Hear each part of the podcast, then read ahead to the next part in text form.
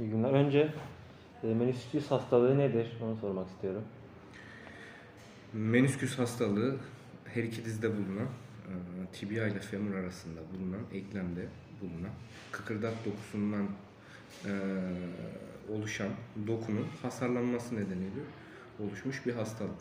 Evet. Menisküs dizde prosepsiyon, yüzey alanını arttırarak ve kemiklerin birbirine aşılmasını e, engelleyen bir doku parçası.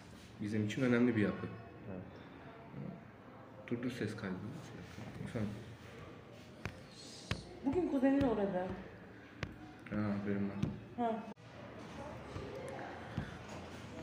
Bu menisküs dokusunun e, dejeneratif değişikliklerle hastalığa sebep olabiliyor. Menisküs yırtı olabilir, menisküs incelme olabilir, menisküs yokluğu olabilir veya menisküsün fazlalığı da olabilir.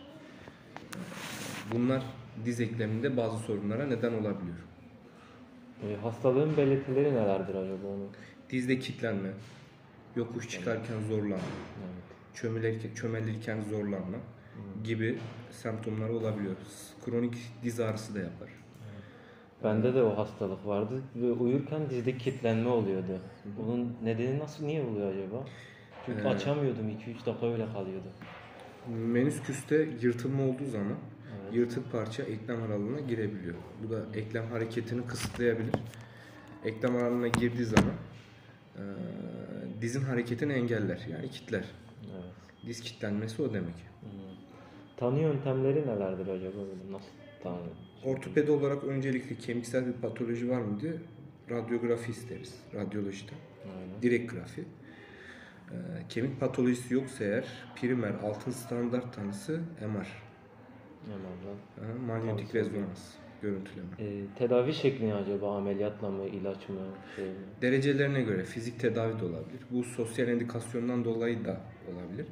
Ee, yaşlı bir hastaysa eğer, Evet. e, çok aktif çalışmıyorsa fizik tedaviye yönlendiririz genelde. Ağrıları için ağrı kesici ilaçlar, nonsteroid, antiinflamatuar dediğimiz ilaçlar olur. Eğer sporcuysa, aktif çalışıyorsa, sosyal hayatını çok etkiliyorsa ameliyat önerebiliyoruz. Evet.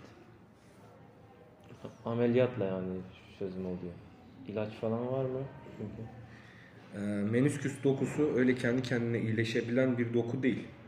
evet. Belli bir bölgeye kadar kendi kendine iyileşebilir. Ondan sonrası kendi kendine iyileşemez. Ameliyat gerektirebilir. Aynen.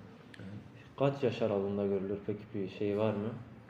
Belli bir yaş aralığı yok. Her yaşta görülebilir. Her yaşta görülebilir. Evet. Yani şu an yaşlı insanların zaten %90'ında menisküs yırtı, menisküs dejenerasyonu vardır. Ama aktif olarak kimleri görüyorsanız dersen sporcuları görüyoruz. Onlar da genç yaş grupları.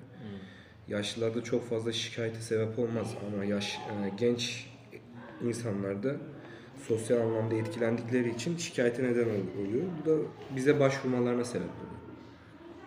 İyi. Bir de ne kadar sürede iyileşir bu menisküs yırtıkları şeyler falan?